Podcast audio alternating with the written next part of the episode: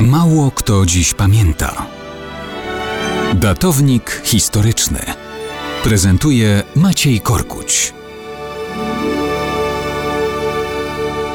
Mało kto dziś pamięta, że 20 kwietnia 1943 roku dwóch ludzi w centrum Krakowa oczekiwało z bukietami kwiatów na wyższego dowódcę SS i policji w generalnym gubernatorstwie Wilhelma Krügera.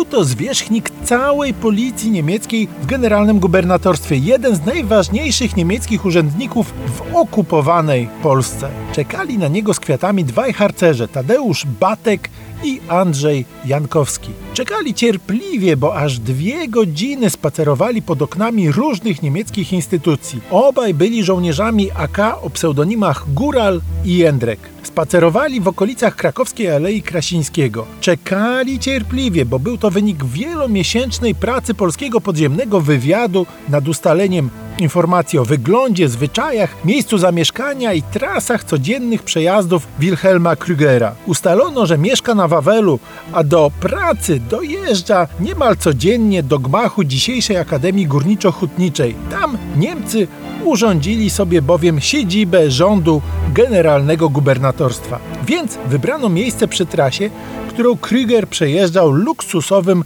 odkrytym Mercedesem prowadzonym przez umundurowanego kierowcę. No ale po co te kwiaty? Otóż w bukietach obaj mieli ukryte granaty dla przywitania Niemca. 20 kwietnia 1943 roku czekają od godziny 8 rano na stanowiskach. Obstawia ich jeszcze trzech konspiratorów. Tuż przed dziesiątą jeden z nich widzi samochód z Krügerem. Chwila napięcia, na umówiony znak pada komenda rzucać. Jak na złość kierowca Krügera coś zwęszył i nagle przyspiesza.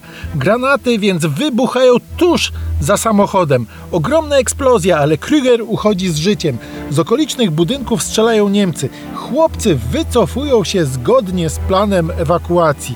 Jeden z nich, oszołomiony wybuchem, wbiega na ulicę Retoryka i zderza się z niemieckim oficerem. Dochodzi do szarpaniny. Wtedy podbiega jeden z kolegów Akowca i kładzie Niemca trupem.